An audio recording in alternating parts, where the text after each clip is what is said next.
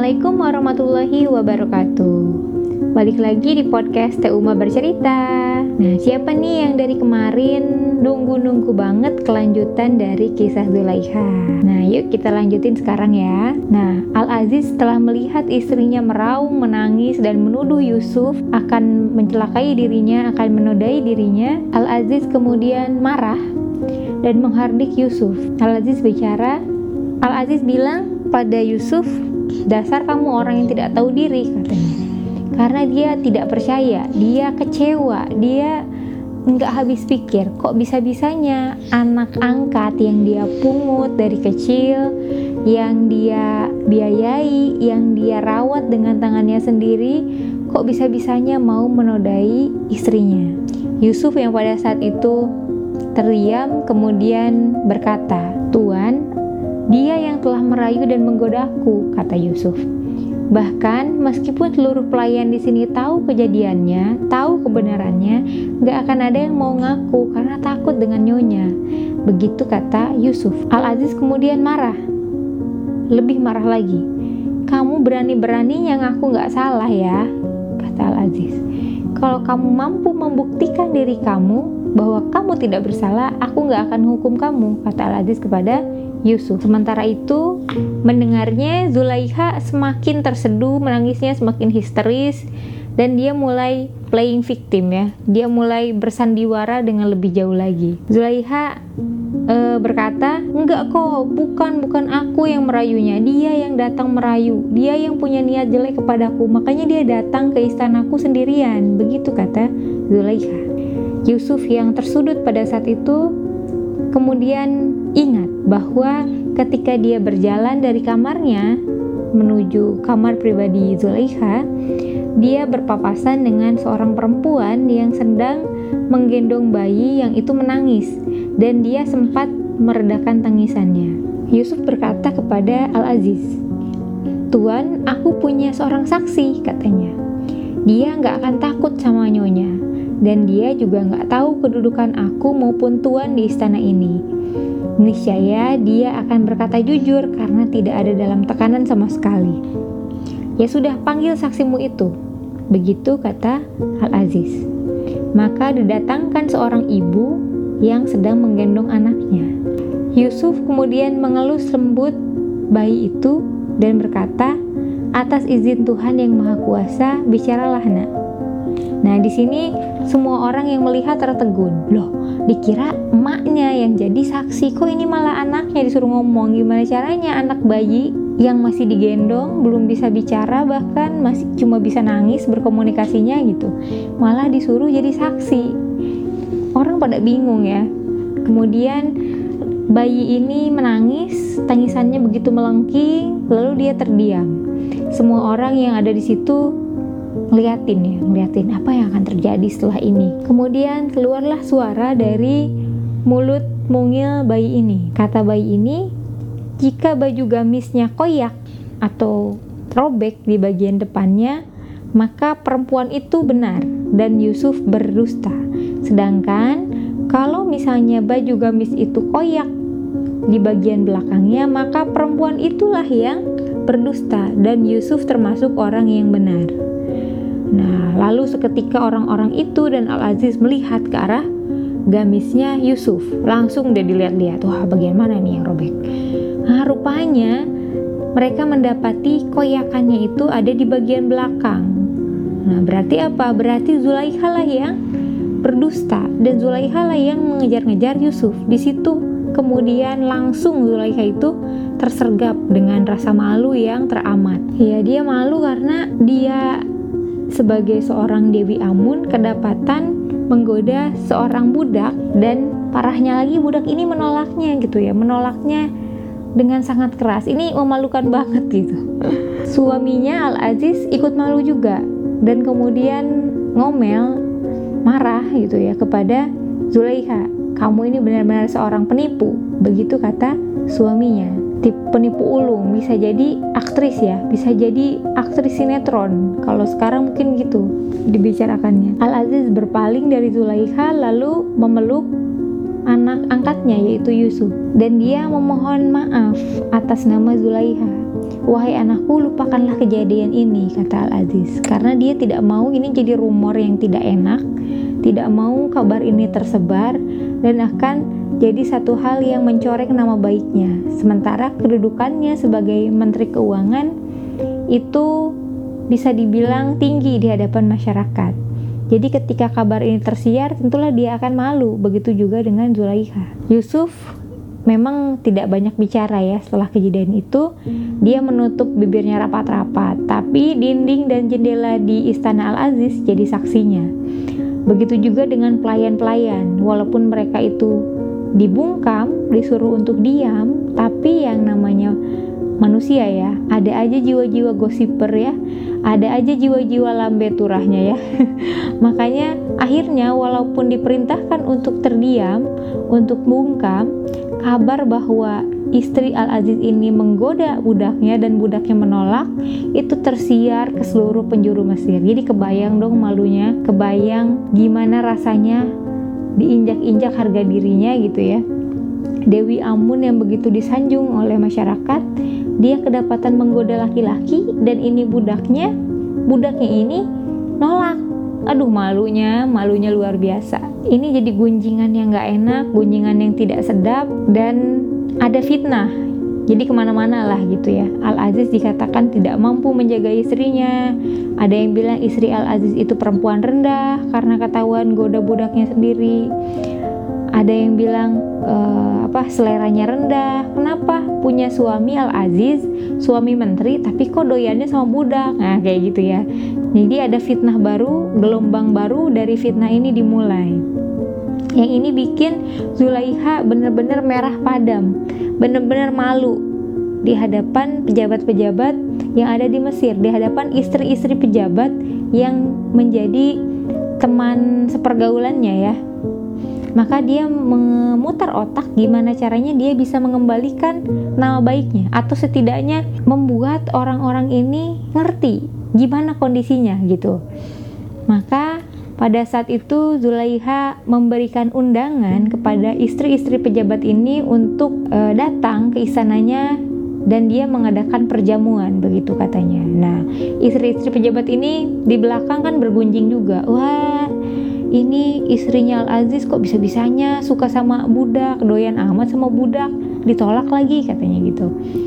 Nah ini ini undangan ini kemudian membuat mereka tertarik. Tertarik karena apa? Mereka ingin tahu kebenarannya. Budaknya kayak gimana sih?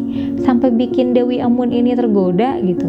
Budaknya kayak apa sih bahkan ada yang tertarik juga untuk tahu kok bisa-bisanya ya ditolak gitu dan lain sebagainya. Jadi jiwa-jiwa lambe turahnya itu terbangkitkan jadi pada saat itu diundanglah istri-istri pejabat uh, sebagian di antaranya pengen tahu sebagian di antaranya lagi juga nyinyir ya nyinyir dan merasa bahwa ini undangan yang aduh nggak jelas lah ini ngapain lah diundang kok maulah datang ke sini kayak gitu. Nah, ketika perempuan-perempuan ini sampai di perjamuan, mereka sudah saling bergosip satu sama lain. Zulaiha pada saat itu melihat dari balik tirai kemudian berkata sambil tersenyum, "Ah, lihat aja, mereka akan ngerti."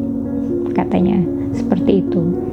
Kemudian Zulaiha pergi menuju kediaman Yusuf Kemudian dia berkata, Yusuf aku punya satu permintaan Satu aja permintaan terakhir nih katanya Pakailah pakaian terbaikmu nanti Kata Zulaiha gitu Kemudian datanglah ke perjamuan dan bawalah jamuan itu kepada tamu jadi dia disuruh melayani tamu-tamu itu dengan memberikan makanan. Keluarlah ketika aku memberitahumu, begitu kata Zulaiha. Yusuf mengangguk meski bingung. Hatinya diliputi kecemasan. Wah, ini ibu angkatnya punya rencana apa lagi gitu ya? Mau diapain dia? Mau ditonton? Mau dipamerin atau mau apa? Nah, sehingga akhirnya ketika para perempuan pejabat itu uh, lagi mau makan ya, mereka di sini jamuannya dikasih jamuan buah di mana buah ini kulitnya harus dikupas kayak mangga gitu ya. Nah, mereka ketika hendak makan mereka udah ngambil buahnya masing-masing, kemudian sudah ada pisau di tangannya untuk mengiris buah. Pada saat itulah kemudian Zulaikha memanggil Yusuf. Yusuf keluarlah begitu kata Zulaiha maka Yusuf pada saat itu dengan uh, pakaian terbaiknya keluar dari balik tirai nah di sinilah kemudian para istri pejabat itu terpesona tertegun bengong ngeces gitu ya. Ketika melihat ada sesosok makhluk yang begitu tampan yang bahkan mereka berkata seperti malaikat saking tampannya itu hadir di antara mereka. Inilah yang kemudian fenomena kejadiannya kita tahu di dalam Al-Quran. Mereka saking terpananya sehingga mereka lupa bahwa mereka sedang mengiris buah. Karena mereka nggak lihat mereka bengong. Sampai-sampai pisau yang harusnya mengiris kulit buah itu malah mengiris jemari tangannya. Nah, jadi ini fenomena atau ini tragedi di mana para istri pejabat ini mengiris tangannya sendiri. Wah, heboh banget lah. Kalau zaman itu udah ada lambe turah udah masuk nih gitu ya. Ketika Yusuf sudah balik lagi ke tempatnya berada, balik lagi ke balik tirai, kembali ke balik tirainya, barulah mereka pada sadar langsung seketika balairung atau aula pada saat itu heboh. Orang-orang baru merasakan sakit di tangannya. Rintihan sakit ini kemudian berubah menjadi gumaman takjub dan heran. Wah, ada yang bilang dia bukan manusia, katanya gitu. Ada juga yang mengatakan dia itu kayaknya titisan dewa saking gantengnya. Ada juga kalau zaman sekarang mungkin mereka juga berkata mungkin dia adalah aktor, ya nggak sih? Gitu. Zulaiha tersenyum dengan penuh kemenangan pada saat itu. Terus dia berkata, dia bilang, kalian ya, baru lihat dikit aja melihat budak yang aku rayu, kalian udah lupa diri, udah hilang akal. Kalian bayangin, aku yang tahu dia dari kecil, aku yang lihat dia tiap hari, gimana aku ini nggak terpesona? Gitu kata Zulaiha pada saat itu. Jadi dia hendak membela dirinya dengan menjerumuskan wanita-wanita ini ke dalam fitnah. Dengan menjerumuskan wanita-wanita ini ke dalam pesonanya Yusuf pada saat itu. Jadi dia mau bilang gue nggak salah ya. Suruh siapa dia terlalu ganteng kayak gitu. Jadi dia dia yang berdosa tapi dia menyalahkan orang lain. Dia menjustifikasi dirinya, dia membenarkan dirinya dan berkata bahwa seolah-olah ketika dia berbuat dosa ya gimana lagi abisnya dia terlalu ganteng nah kayak gitu ya maka para ibu pejabat itu kemudian terdiam iya juga ya beberapa berkata seperti itu beberapa mengakui bahwa iya sih cowok ganteng kayak gitu lebar katanya ya cowok cowok ganteng kayak gitu nggak mungkin lah dianggurin nah dari sinilah kemudian para perempuan ini juga ikut mengejar-ngejar Yusuf pada saat itu dan ini bikin Yusuf menjadi pusing tujuh keliling. Kalau sebelumnya cuma satu orang yang mengejar-ngejarnya, dan itu adalah ibu angkatnya, sekarang seluruh istri pejabat itu tergoda sama dia. Jadi kebayang ya, ini diincar oleh perempuan-perempuan, tante-tante gitu ya. Tante-tante, istri-istri pejabat, tentu ini sesuatu yang menakutkan. Ini jadi fitnah baru bagi dirinya Yusuf. Ini ribuan kali lebih mengerikan dibandingkan fitnah pertama. Zulaiha pada saat itu kemudian memanggilnya lagi. Kali ini Yusuf agak gusar ya, agak sebel gitu. Kenapa lagi sih ini cewek gitu ya, mau ngapain lagi sih? Ada apa lagi nyonya? Tanya Yusuf kepada Zulaiha. Kata kata Zulaiha, kamu tahu apa yang aku mau Yusuf? Aku mencintaimu dan akan aku lakukan apa pun untuk mendapatkanmu. Itu kata Zulaiha. Jadi ini udah ngeri-ngeri sedep ya. Udah sosiopat gitu ya. Ketika Zulaiha bilang, aku cinta sama kamu dan aku akan melakukan apa pun untuk bisa mendapatkan kamu. Itu contohnya aja ketika dia ngundang ibu-ibu pejabat yang lain. Itu itu itu memperlihatkan bahwa dia punya taktik yang licik taktik yang cerdik tapi mengerikan gitu ya untuk mendapatkan apa yang dia inginkan. Yusuf pada saat itu berkata, "Kamu udah tahu jawaban aku. Aku tetap pada pendirianku. Aku bersikeras untuk tidak tunduk pada keinginanmu." Begitu kata Yusuf. "Kenapa sih sampai nggak mau banget?" gitu kata Zulaiha. "Kenapa sih kamu nggak mau? Aku tuh cantik, terhormat, bahkan kalau kamu mau, kita bisa melakukan perzinahan dan orang lain akan tetap tutup mulut gitu. Orang lain gak ada yang tahu, cuma kita doang yang tahu. Kenapa sih takut banget? Yusuf pada saat itu kemudian berkata, kenapa sih Nyonya bersikeras untuk mengantar aku ke neraka, begitu kata Yusuf. Zulaiha menimpali, neraka? Oh enggak, aku nggak mau ngantar kamu ke neraka, tapi mungkin aku bisa mengantarmu ke penjara Yusuf, kata Zulaiha. Jadi diancam pakai penjara. Ketika sebelumnya diancam pakai gadis-gadis ibu-ibu pejabat, nah kali ini Zulaiha mengancam Yusuf dengan penjara. Jadi seolah-olah dia bilang, pilih aku apa penjara gitu ya perempuan tuh dari masa ke masa sama ya. Selalu menuntut laki-laki untuk memilih. Lalu Yusuf bilang kepada Zulaiha udahlah berhentilah untuk berbuat seperti ini. Emang nggak malu orang-orang di luar sana akan membicarakan kita? Apa nggak malu orang-orang di luar sana akan ngomongin kita? Begitu kata Yusuf. Lalu Yusuf meninggalkan Zulaiha dari ruangan itu dan di sini Zulaiha membulatkan tekadnya. Pokoknya Yusuf harus dipenjara. Kalau aku tidak bisa memiliki Yusuf, maka tidak ada orang lain yang bisa. Kayak gitu ya, drama banget. Maka Zulaiha pada saat itu pergi untuk menemui suaminya Al-Aziz dan melancarkan serangannya. Yang ini memastikan gimana caranya Yusuf akan dikirim ke penjara lewat suaminya. Dia ngadu kepada Al-Aziz. Budak kanan itu sudah menebarkan gosip ke seluruh penjuru negeri, kata Zulaiha. Apa maksudnya? kata Al-Aziz. Kali ini kamu mau nipu apa lagi? Enggak, aku enggak nipu kok, kata Zulaiha. Aku cuma nggak seneng aja, gosip itu nyebar ke mana-mana. Orang lain jadi ngomongin kita di belakang. Kita kan jadi malu. Kamu dinilai sebagai laki-laki yang nggak bisa jagain istrinya. Dan membiarkan pelecehan itu terjadi dan kamu nggak mukul sama sekali gitu ya. Kamu nggak mukul sama sekali cowok ini. Zulaiha mengompori Al-Aziz. Jadi maksud kamu apa? Kata Al Aziz. Kamu mau aku menghukum orang yang gak bersalah? Enggak, maksud aku gak gitu. Aku emang salah, kata Zulaiha. Tapi kan dia juga salah. Nah ini dia mulai bermain kata ya. Dia mengaku bersalah tapi untuk menjerumuskan orang lain. Tapi kan dia juga salah katanya. Yusuf juga salah kok gara-gara dia kan kita jadi gunjingan gara-gara dia nggak bisa jaga omongan dia gitu kata Zulaiha Al Aziz kemudian lunak ya gimana pun juga Zulaiha itu adalah istrinya Badai besar dalam istananya tak hanya melukai Yusuf sebagai korban tapi juga mencoreng nama baik Al-Aziz. Sekaligus mencabik sampai habis kehormatan dan harga diri perempuan di depannya ini. Udahlah penjarain aja Yusuf, kata Zulaiha. Ini yang terbaik kata Zulaiha begitu. Udahlah penjarain aja Yusuf, yakin deh ini adalah jalan keluar yang terbaik. Begitu kata Zulaiha sambil meninggalkan suaminya. Buat Al-Aziz, keputusan ini berat banget ya, karena dia tahu persis Yusuf itu tidak bersalah. Dan dia tahu juga gimana kedudukan Yusuf yang tanpa celah. Yusuf itu sedikit dari pemuda yang memelihara kehormatan dirinya. Dia pemuda yang menyenangkan, cerdas, pandai membawa diri, berwawasan luas, dan tak sekalipun terlihat membersamai perempuan tanpa punya kepentingan. Jadi benar-benar uh, dia menjaga diri dari lawan jenis. Maka dia ingin berdiskusi kepada Yusuf pada saat itu. Dipanggilnya Yusuf ke ruangannya, kemudian bertanya sambil setengah nuduh sih sebenarnya. Aku udah nyuruh kamu untuk gak buka mulut, begitu kata Al Aziz. Tapi kenapa semua orang jadi tahu? katanya. Yusuf kemudian menjawab, saya bukan orang yang tidak tahu terima kasih Tuan. Saya nggak mungkin melanggar perintah Tuhan. Jawab aja dengan iya atau tidak, kata Al-Aziz. Yusuf berkata, Anda tahu saya tidak mungkin melakukannya.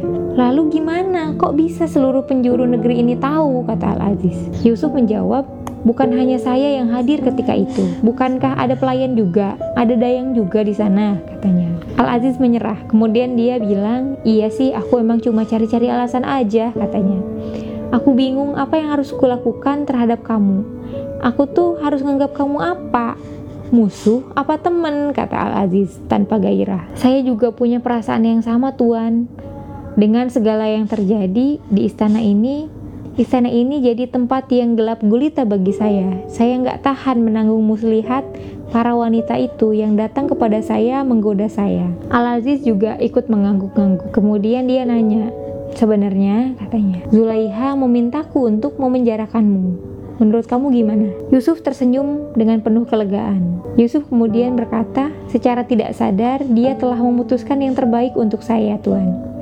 Gimana maksudnya? kata Al-Aziz. Itu adalah yang terbaik, kata Yusuf. Jika saya di penjara, maka itu akan membungkam mulut-mulut yang ada di luar sana, sekaligus membuat Zulaiha melupakan saya Tuhan.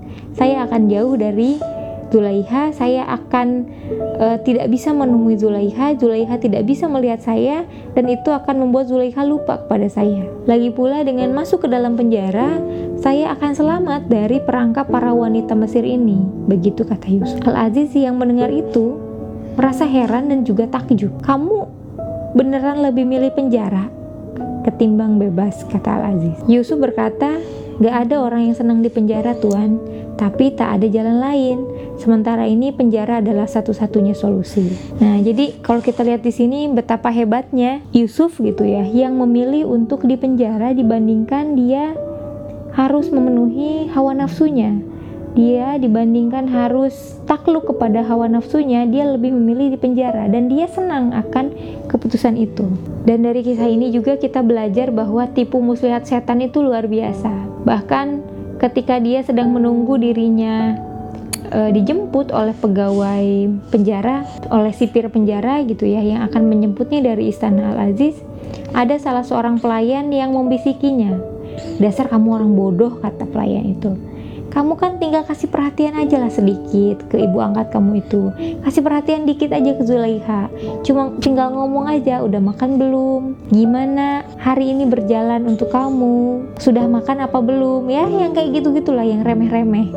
Dan itu akan membuat kamu lolos dari penjara begitu kata pelayannya. Tapi Yusuf pada saat itu menggeleng. Dia bilang, selama lamanya ada di penjara, saya akan bebas. Tapi kalau saya menuruti hawa nafsu saya, saya tidak akan pernah bebas dari neraka. Neraka itu akan menjadi tempat yang abadi buat saya. Begitu kata Yusuf ya. Di sini kita belajar bahwa hawa nafsu itu adalah sesuatu yang akan terus menerus meminta pemenuhan. Padahal ujung dari hawa nafsu itu adalah neraka dan kita tidak akan pernah bebas dari neraka. Sedangkan kalau kita bisa menahan diri, kalau kita mau menahan diri, kita memenjarakan diri kita, memenjarakan hawa nafsu kita, sesungguhnya ini tidak lama, cuma ukurannya ukuran dunia aja. Dan kemudian kita akan mendapatkan kebebasan sesungguhnya di surganya Allah luar biasa. Nah, sosok Zulaiha adalah sosok yang tidak bisa mengontrol dirinya dia tunduk pada hawa nafsunya, dia tunduk pada hatinya, dia tunduk pada keinginannya sehingga dia melupakan melupakan jasa suaminya, melupakan uh, kedudukan suaminya di hadapan masyarakat. Dia lupa bahwa dia punya status seorang istri, dia lupa bahwa dia punya suami yang begitu menyayanginya. Jadi karena nilai setitik rusak susu sebelanga.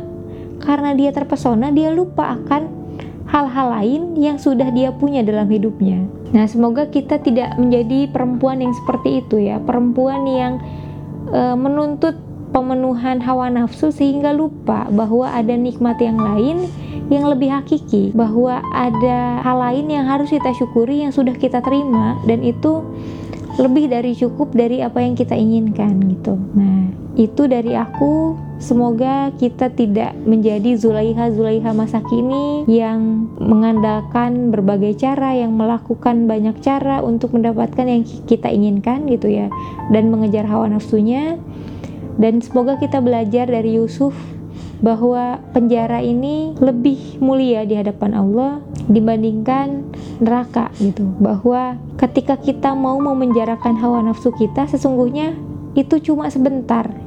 Hidup kita di dunia ini cuma sebentar nggak akan kerasa kok gitu. Ketika kita menahan diri kita untuk Allah maka Allah akan membebaskan kita nanti di surganya. Terserah kita di surga itu mau apa kita akan mendapatkan kebebasan yang sesungguhnya nanti insya Allah. Nah itu dari saya. Wassalamualaikum warahmatullahi wabarakatuh